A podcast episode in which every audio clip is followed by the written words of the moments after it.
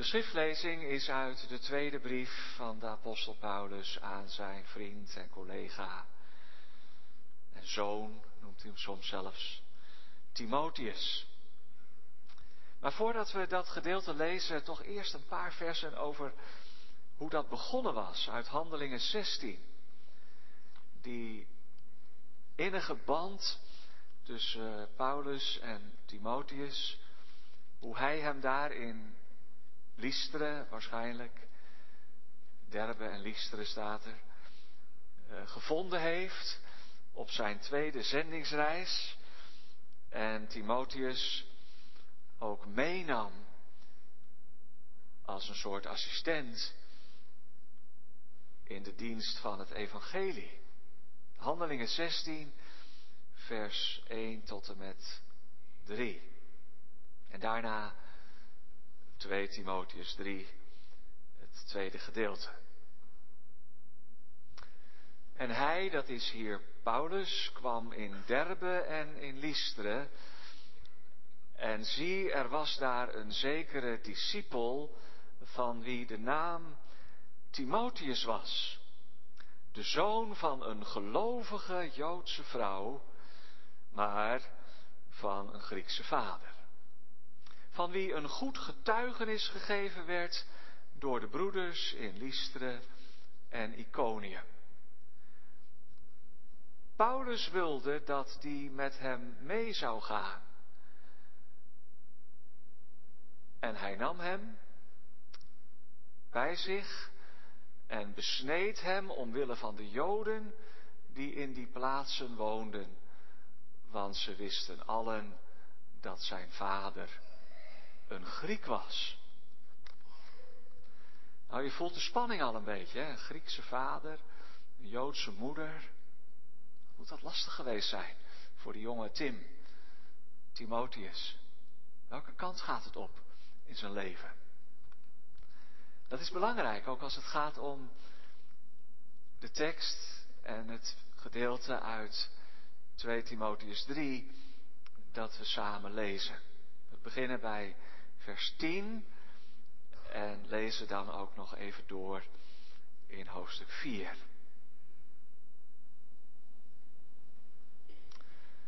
2 Timotheus 3 vanaf vers 10.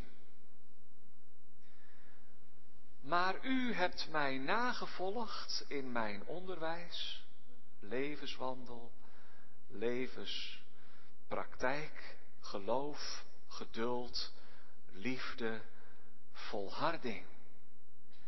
En in mijn vervolgingen en lijden, zoals die mij overkomen zijn in Antiochië, in Iconium en in Lystra. Wat heb ik al niet aan vervolgingen doorstaan? En uit die alle heeft de Heere mij verlost. En ook allen die godvruchtig willen leven in Christus Jezus, zullen vervolgd worden. Maar slechte mensen en bedriegers zullen van kwaad tot erger overgaan. Ze misleiden en ze worden misleid. Blijft u echter bij wat u geleerd hebt en waarvan u verzekerd bent, omdat u weet van wie u het geleerd hebt. En dat u van jongs af aan de heilige schriften kent, die u wijs kunnen maken tot zaligheid door het geloof dat in Christus Jezus is. Heel de schrift is door God ingegeven en is nuttig om daarmee te onderwijzen, te weerleggen, te verbeteren en op te voeden in de rechtvaardigheid. Opdat de mens die God toebehoort volmaakt zou zijn, tot elk goed werk volkomen toegerust. Ik bezweer u, ten overstaan van God en de Heer Jezus Christus, die de levenden en de doden zal oordelen bij zijn verschijning en in zijn koninkrijk, predik het woord, volhard daarin, gelegen of ongelegen, weerleg, bestraf, vermaan, en dat met alle geduld en onderricht. Want er zal een tijd komen dat ze de gezonde leer niet zullen verdragen, maar dat ze zullen zoeken wat het gehoor streelt en voor zichzelf leraars zullen verzamelen overeenkomstig hun eigen begeerten. Ze zullen hun gehoor van de waarheid afkeren en zich keren tot verzinsels. Maar u, wees nuchter in alles. Leid verdrukkingen. Doe het werk van een evangelist. Vervul uw dienstwerk ten volle.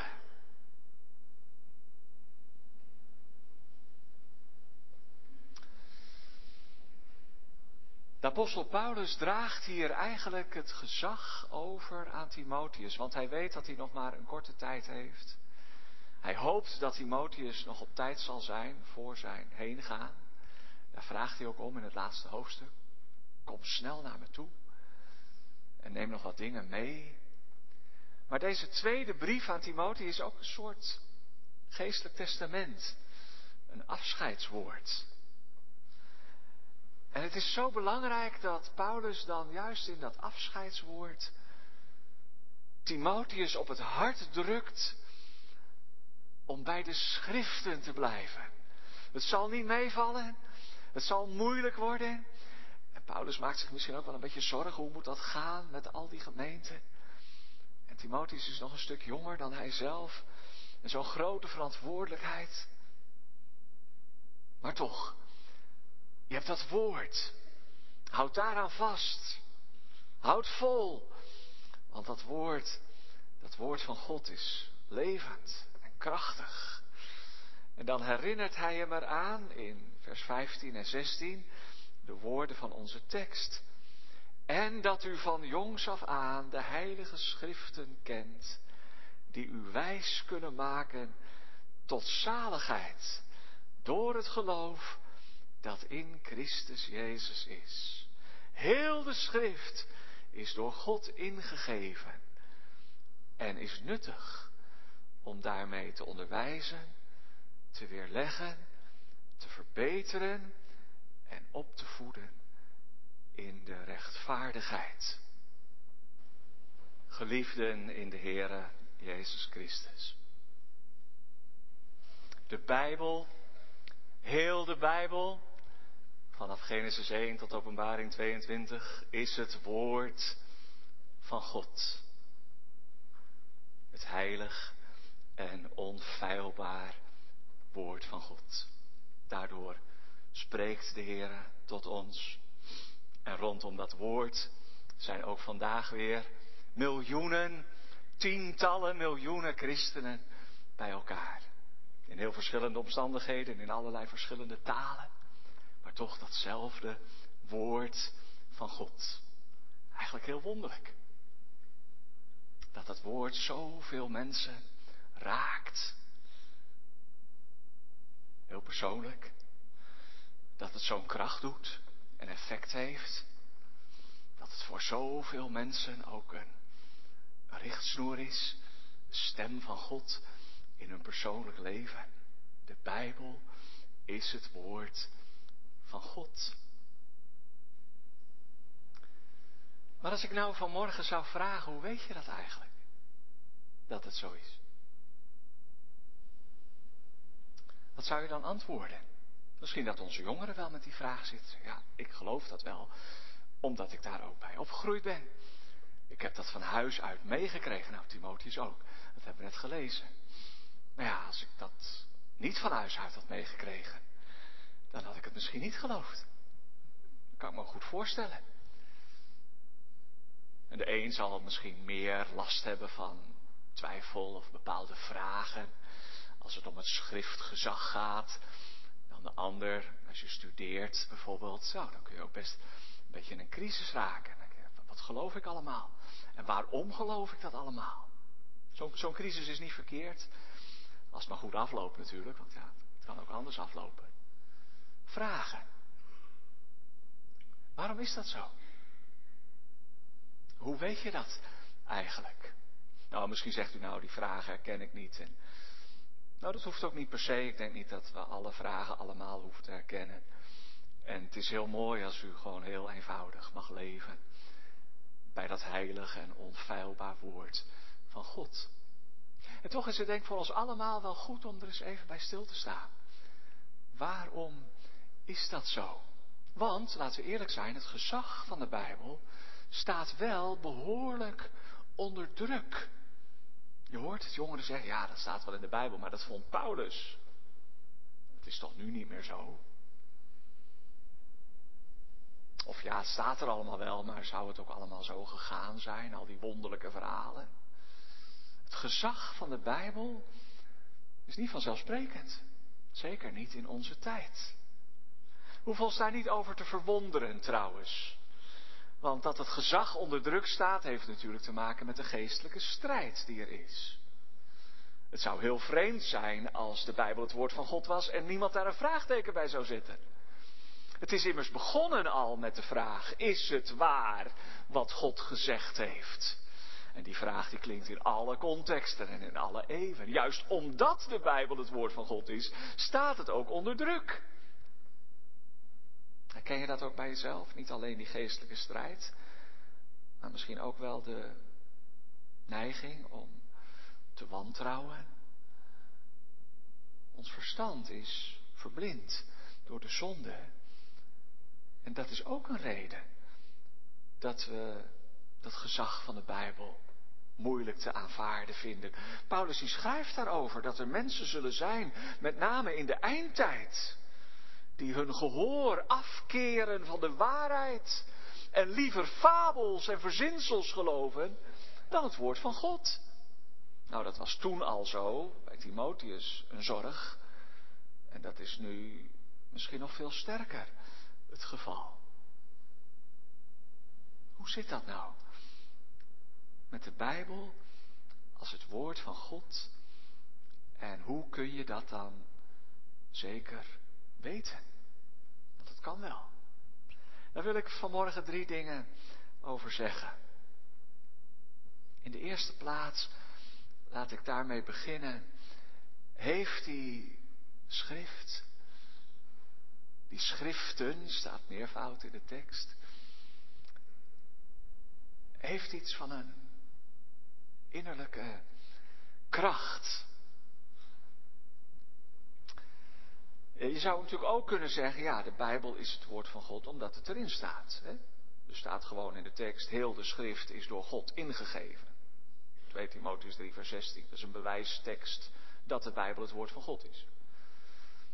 Maar dat is ook een beetje cirkelredenering, zouden onze kritische jongeren dan zeggen. Ja, als er in het boek staat dat het het woord van God is, het kan in elk boek wel staan. En trouwens, er zijn ook andere heilige boeken, toch? Zoals de moslims met de Koran.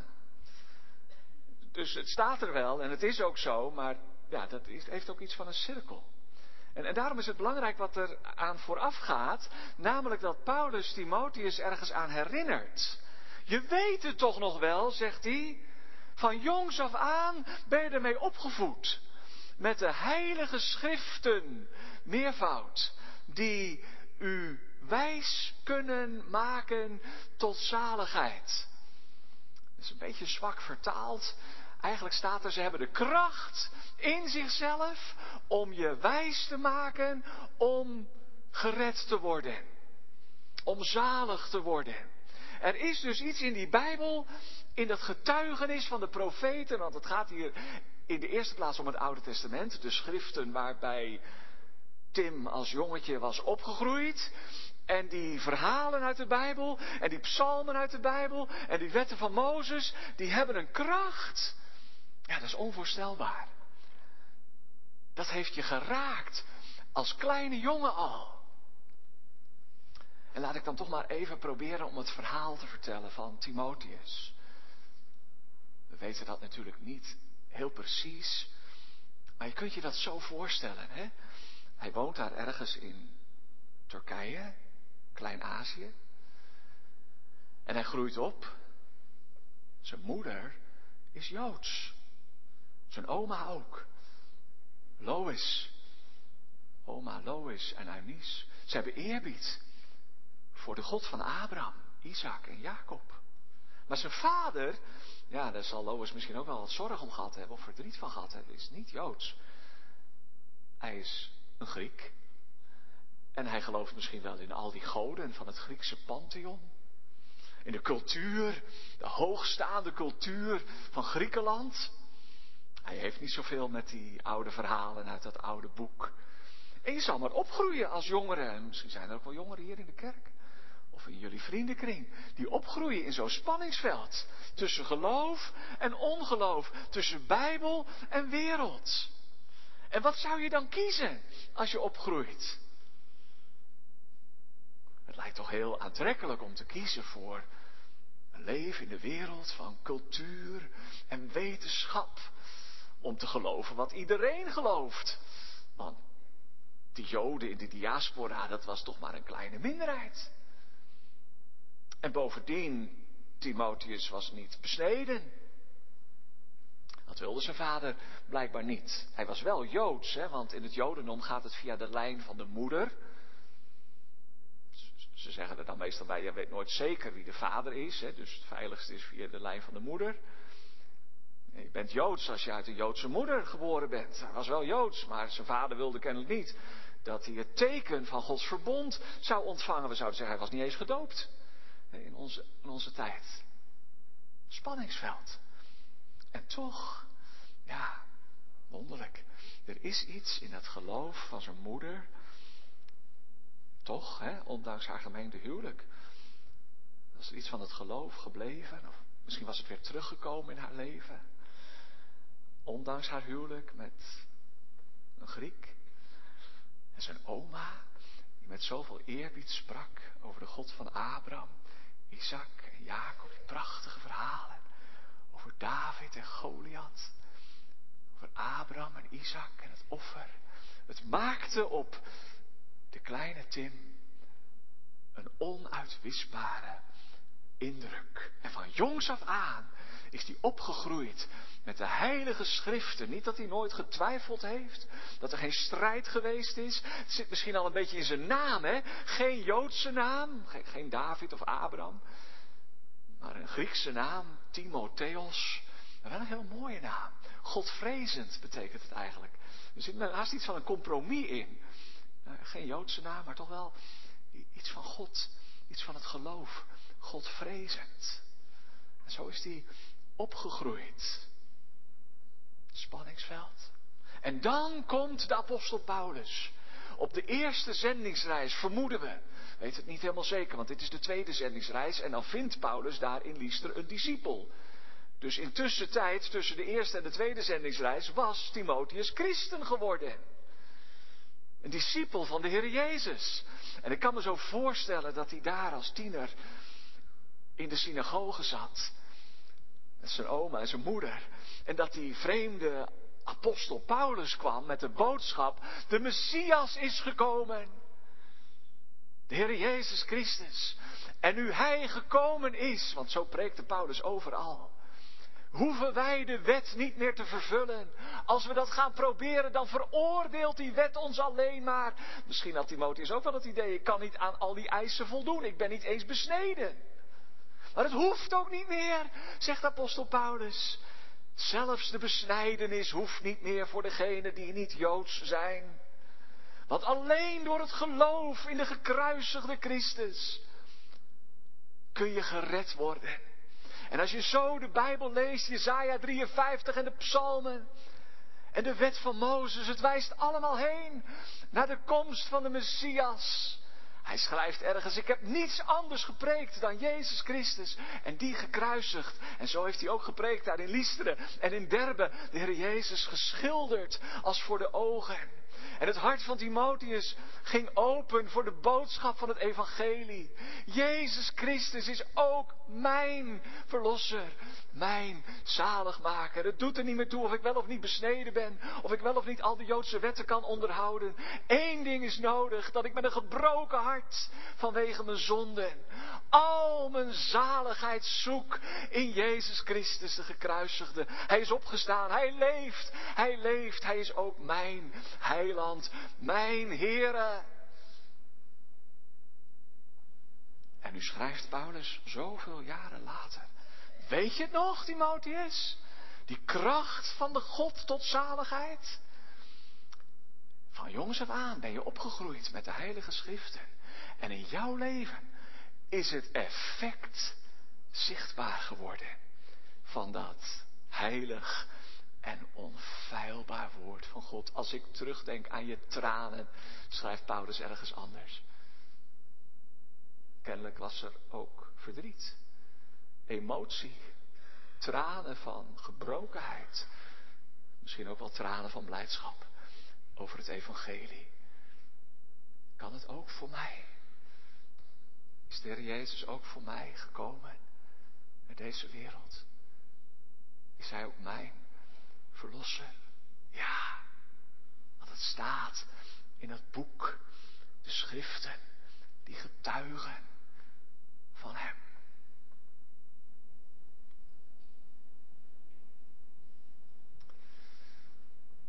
En dan kom ik weer terug bij die vraag, hè, hoe weet je nou dat de Bijbel het woord van God is?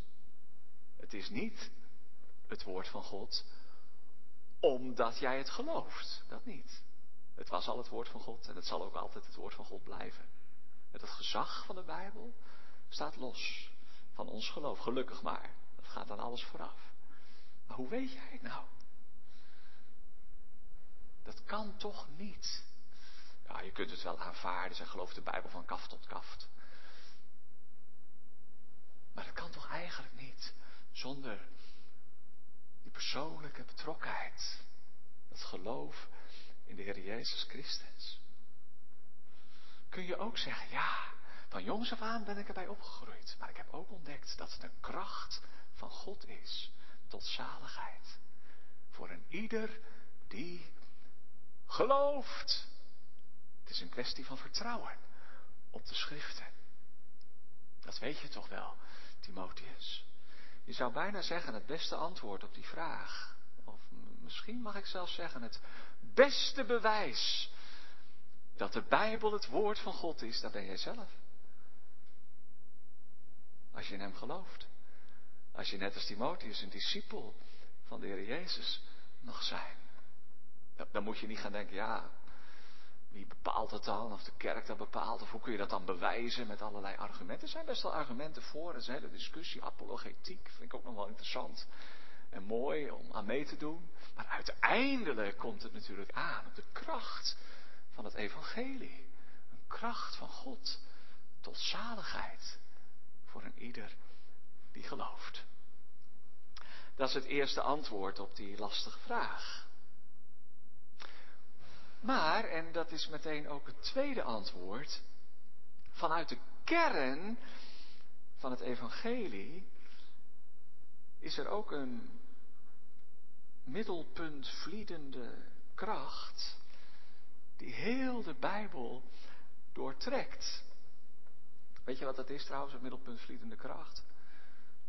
Als je een steentje aan een touw hebt en je slingert dat rond, of misschien een emmer met water, zou je vanmiddag kunnen proberen. Niet helemaal vol, dan word je kletsnat. Maar als je een beetje water onder in die emmer doet, en je begint te slingeren hè, met die emmer, en je draait, dan kun je hem op zijn kop draaien, helemaal rond, zonder dat je nat wordt. Zo is het ook met de Bijbel. De Heer Jezus, dat is het centrum. Maar vanuit dat middelpunt van de Heer Jezus Christus is er een kracht die door heel de Bijbel heen trekt. Luister maar. Heel de schrift is door God ingegeven. Die kracht, dat gaat om het geloof dat in de Heer Jezus Christus is. En dat gaat ook over de schriften, hè, al die Bijbelboeken. Maar, maar hier staat elk schriftwoord.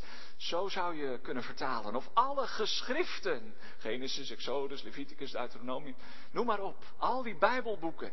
Of, zo kun je het ook vertalen. Het maakt voor het resultaat eigenlijk niet zoveel uit hoe je het vertaalt. Heel de schrift is door God ingegeven. Het is doorademd. Het staat er letterlijk. Theopneustos. Door God geademd. Theos, hè, net als in Timotheos, is God. En pneustos, pneuma, dat is de geest, maar ook de adem. Een pneumatische boor, dat is zo'n luchtdrukboor, luchtbeweging van lucht. Nou, dat is een Grieks woord, dat betekent eigenlijk heel de Bijbel is de adem van God zelf. Daarin van het begin tot het eind en tot in de kleinste details aanwezig is. Het getuigt van de Heer Jezus Christus. Maar het is ook doorademd van de geest van God. Elke, elke letter. Ja, misschien had Timotheus, want zo ging dat vroeger, ook wel leren schrijven. In ieder geval in, in het Jodendom ging het zo dat daarvoor vaak ook de teksten van de Bijbel gebruikt werden. En leren lezen. Weet je nog dat je, waar was dat? Groep 3? Leerde letters lezen, A, B, C. En je eigen naam, hè? Kan je eigen naam al lezen? De letters van je eigen naam. Het is dat een mooi moment dat je opeens kunt ontcijferen wat er staat. Ik herinner het me nog wel, we woonden nog in Amerika toen, dat ik eh, net een beetje kon lezen. En dat mijn vader toen zei, wil jij een keer uit de Bijbel voorlezen? Doen hoor, als jullie kinderen leren lezen, laat ze dan ook gewoon eens thuis uit de Bijbel lezen. Het was best wel moeilijk natuurlijk. Ik weet nog waar het over ging, over Zacchaeus. Die in de sycamore tree, dat was een moeilijk woord voor me, in de vijgenboom klom. Dat mocht ik voorlezen, prachtig. Doen hoor. Want dat is één geheel, hè, dat je van jongs af aan leert lezen om de Bijbel te kunnen lezen. Dat je vertrouwd wordt met het woord van God. Want elk schriftwoord is doorademd van de geest van God. Het gaat niet alleen maar over toen, toen David het opschreef. Je ziet hem zitten als herder. De Heere is mijn herder. Mij zal niets ontbreken. En toen David dat opschreef, een mooi gedicht over God, een gebed tot God, was daar de Heilige Geest. Dat is de inspiratie van de schrift die hem leidde bij het kiezen van de woorden. En in zijn dat waren Davids eigen woorden. Natuurlijk. En, toch is het ook tegelijkertijd Gods eigen woord. Want het is door God ingegeven, niet gedicteerd als het groot Nederlandse dicté, dat je letterlijk moet overschrijven wat je hoort. Een enkele keer gebeurt dat in de Bijbel in openbaring. Hè? Schrijf, zus en zo. Maar dat is eigenlijk een uitzondering. Meestal gaat dat niet zo. Meestal wordt iemand gewoon, ja, gewoon. Dat is toch eigenlijk heel wonderlijk. Terwijl die aan het schrijven of aan het dichten is, komt de Heilige Geest van God met wijsheid en met licht. En zijn de woorden die daar staan, tegelijkertijd de eigen woorden van God. Door God ingeblazen. Maar niet alleen toen, toen David schreef of toen Lucas alles nog eens heel goed uitzocht, hoe het ook alweer zat met de geschiedenissen van de Heer Jezus en aan Theophilus zijn brief schreef. Het Lucas-evangelie is eigenlijk een brief aan Theophilus en Handelingen, dat is een tweede brief aan Theophilus. Ja, het gaat heel gewoon, heel menselijk, maar, maar toch het gezag waarmee die brieven en evangeliën en profetenboeken spreken, dat is Gods gezag. Dat blijkt wel als je ze leest. Wonderlijk. Het is Gods woord en het is het mensenwoord. En die twee komen samen.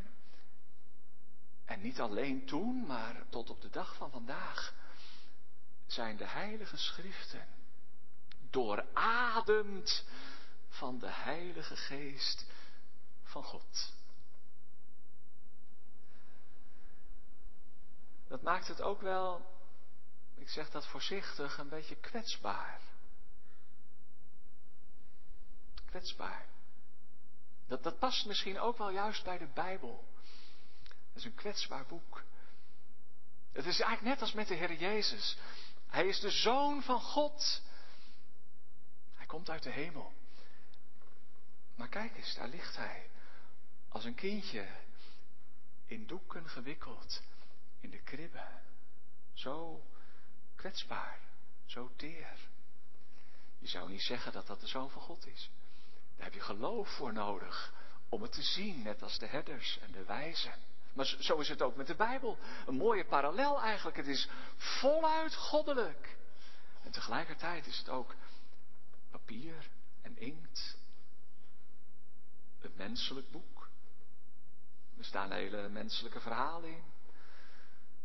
En dat vinden ze moeilijk tegenwoordig, dat er zoveel geweld in de Bijbel staat. Vallend, hè? Dat het juist in onze tijd weer, dat weer heel moeilijk is. Misschien dat 30 jaar geleden de wonderen meer moeilijk waren. Nu geloven mensen allerlei wonderverhalen, dus hebben ze ook minder moeite met de wonderen in de Bijbel. Ja, wie zegt dat het niet zo gebeurd kan zijn? Hè? Het zal niet voor iedereen gelden, maar de wonderen zijn voor studenten eigenlijk niet, maar dat geweld in de Bijbel. Een bloedboek, schreef een van onze moderne auteurs. Ja. Komt misschien ook wel door de radicale islam en de associatie van religie met geweld. Lastige vraag. Het is waar, er staat heel veel geweld in de Bijbel. Het is waar. De Bijbel is ook een realistisch boek. Het gaat over, ja, kijk maar naar de wereld om je heen, hoe het eraan toe gaat. In een gebroken wereld, los van God. Een spoor van ellende, vernieling. En, en de Bijbel laat ons ook zien hoe het komt. De Bijbel is een heel eerlijk boek. Als je dat vergelijkt met de kronieken van de koningen van de volk in die tijd, de ene overwinning na de andere wordt daarin bezongen. Dat is te mooi om waar te zijn en dat is dus ook niet waar. Maar de Bijbel schrijft juist ook over de zonde van David en van Salomo. Dat vind je in al die andere boeken uit die tijd echt niet. Als het over de koningen gaat, die deden alleen maar goed. Zogenaamd. De Bijbel is een eerlijk boek, beschrijft ook heerlijk hoe het eraan toe ging, hoe verschrikkelijk het er soms aan toe ging. Ook in Israël. Dat heeft ook met die kwetsbaarheid te maken, maar ook met de kracht van het woord van God. Soms ligt dat heel dicht bij elkaar. Nou, zo zou ik wel even door kunnen gaan. Het is ook mijn vak natuurlijk om daarmee bezig te zijn met uh, schriften en uh, geloofsleer. Wat is het mooi. En weet je, je raakt nou nooit uitgeleerd. Ik weet niet of je dat herkent hoor. Dat hoop ik eigenlijk wel. Als je honger hebt naar het woord van God. Er zoveel in staat. Dat houdt nooit op. Steeds mag je weer oude en nieuwe en nieuwe en oude dingen ontdekken in de schrift. Eh, heb je dat soms ook? Dat je, dat je die Bijbel, dat wonderlijke boek vastpakt. En bijna aan je hart drukt en zegt, Heer, wat, wat is dat een mooi boek. Het is uw eigen woord. Is heel kwetsbaar en menselijk. Je kunt er vragen over stellen. Er zijn ook moeilijke vragen die, die niet zo gemakkelijk, en zeker geen goedkope antwoorden, waar geen goedkope antwoorden voor zijn. Ik ben de laatste om dat te ontkennen. We kennen ten dele, we profiteren ten dele. Hoe is dat allemaal precies gegaan? Moeilijke vragen soms, maar laat je niet afleiden. Een van de profeten zegt, toen ik het gevonden heb, heb ik het opgegeten.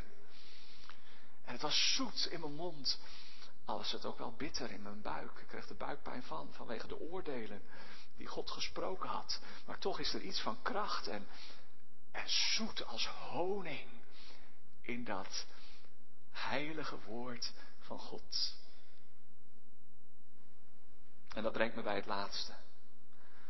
Het eerste, dat is de kracht. Dat is de kern. Het tweede, dat is de inspiratie of de Heilige Geest.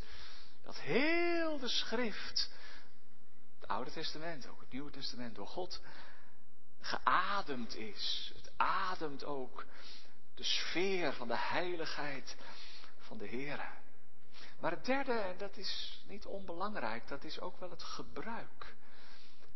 Want ik maak me misschien nog wel het meeste zorgen. Niet om allerlei vragen, die zijn er altijd geweest. En kunnen we niet altijd oplossen, het hoeft ook niet. Het gaat om de kern.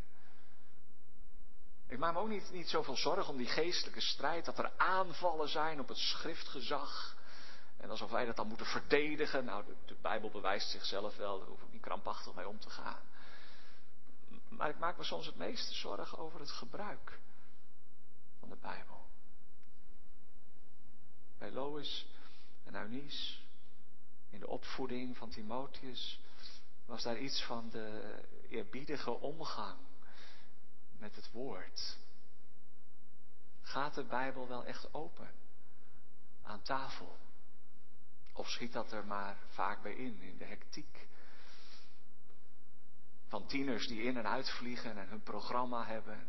Snap ik ook wel, ik heb ze ook, die tieners. En het programma. En wat is het dan ook gemakkelijk om maar, ja, nog even lezen, daar hebben we geen tijd meer voor hoor. En zo gaat het dan en zo schiet het erbij in. Nou ja, dat het is een keer gebeurd. Als dat een patroon wordt. En voor jezelf heb je nog tijd om te lezen. Ja, zeg ik, ik heb een Bijbel op mijn mobieltje staan. Dat is prima. Daar kun je ook nog makkelijk in zoeken, natuurlijk. Maar als dat nou het enige is, het leidt ook wel heel gemakkelijk af. En dan begint dat ding te trillen. En dan denk je, even het appje kijken. Zo gaat dat. En datzelfde scherm waar dan zoveel nieuws en informatie, om over de rottigheid maar te zwijgen. Op datzelfde scherm zit je dan je Bijbel te lezen. Jacobus zegt, het is niet goed, dezelfde tong en dezelfde mond prijst de Heer. En tegelijkertijd zit je daarmee te roddelen en te liegen en soms zelfs te... Dat kan niet. Nou, het gaat niet over de mobiele telefoon natuurlijk. En nogmaals, het is goed als je... Beter als je hem nog niet gedownload hebt, zet hem erop zou ik bijna zeggen. Maar dat boek, hè. Met die letters en de rust in je hoofd en in je hart. Om toch te lezen. Misschien in één jaar de Bijbel door, zou het lukken? Goede voornemens in januari. Of was je er al mee begonnen en, en heb je het niet eens volgehouden een maand lang? Wat is het belangrijk om heel de schrift te lezen, te gebruiken. Want, staat in de tekst, heel de schrift is door God ingeademd en uitgeademd, maar het is ook nuttig. En dan moet je niet denken, nou het is wel nuttig, maar niet nodig. Dat is niet de bedoeling. Nuttig, dat wil zeggen, het levert winst op. En jullie weten wel, als je economie hebt, je hebt alleen maar winst als je investeert.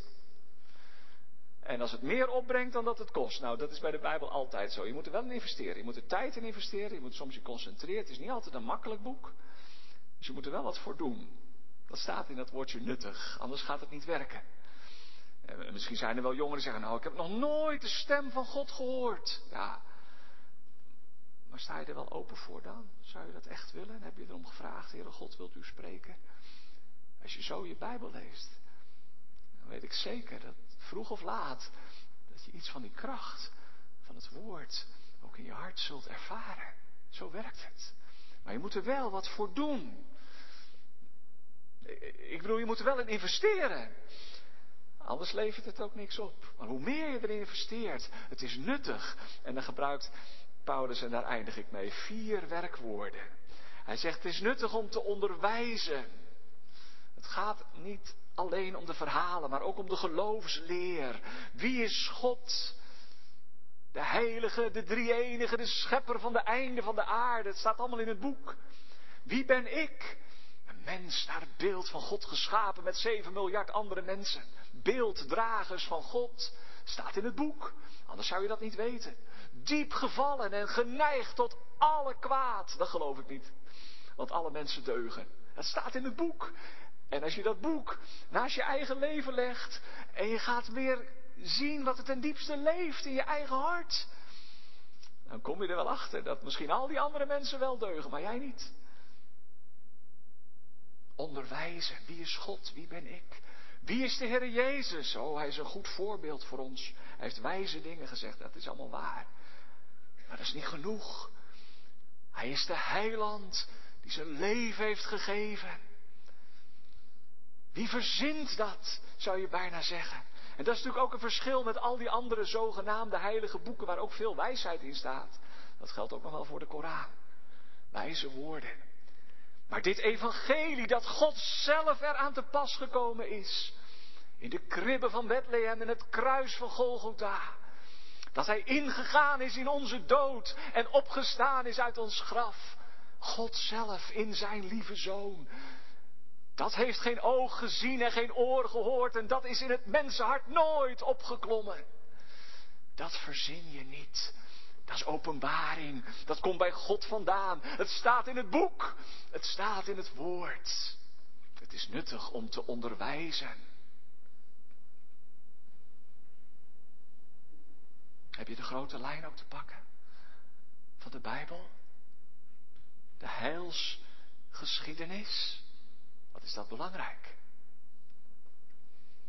En dan noemt hij als tweede woord weerleggen. Iets in het licht brengen, staat er letterlijk. Ontdekken, dwaling, zonde, correctie is ook nodig. Hoe moet je leven? Waarom dit wel, waarom dat niet? Niet omdat Paulus dat zo nodig vond. Nee, het staat in het boek. En als je een discipel van de Heer Jezus bent, denk nog even aan die middelpunt vliedende kracht. Dan wil je heel de Bijbel serieus nemen. De wetten van het Oude Testament zijn in het Nieuwe vervuld. Maar heel veel van die wetten van het Oude Testament, zeker de tien geboden, worden in het Nieuwe Testament ook herhaald. Hoe moet ik leven? Als het gaat om mijn lichaam en de seksualiteit. Nou, hoe moet ik leven als het gaat om mijn geld en goed? Hoe moet ik leven? In mijn relaties. En soms is er ook vermaning, verbetering, correctie nodig om te onderwijzen, te weerleggen, en dan gaat het ook om de dwaling. Dat is niet goed, dat moet anders. Maar voor je het weet ben je natuurlijk te negatief. Daar moest Timotheus ook voor waken. Niet alleen maar dit is niet goed en dat is niet goed en dat moet anders en dat moet anders. Ook positief, verbeteren, stimuleren. Paulus die schrijft heel vaak zelf, ik ben zo dankbaar voor jullie. Als ik aan jullie denk in mijn gebeden, dan dank ik God. Zeggen de dominees dat wel eens? Ja, ik weet niet hier. Ik hoor de preken van mijn collega's ook niet. Maar het zou eigenlijk wel mooi zijn als de dominee zegt, ik ben zo dankbaar voor jullie. Dat we samen bijbelstudie kunnen doen op de Bijbelkring of de mannen-vrouwenvereniging. En dat ik merk dat de Heer werkt. En dat jullie zo betrokken zijn. Als dat vanaf de preekstoel gezegd wordt, denk je, nou, wat wil die dominee van ons? Dat zijn we niet zo gewend. Dat is toch wel goed eigenlijk. Ook verbeteren, bemoedigen, hè? zeker in deze tijd. Niet alleen negatief. Dit is niet goed. Nee, positief.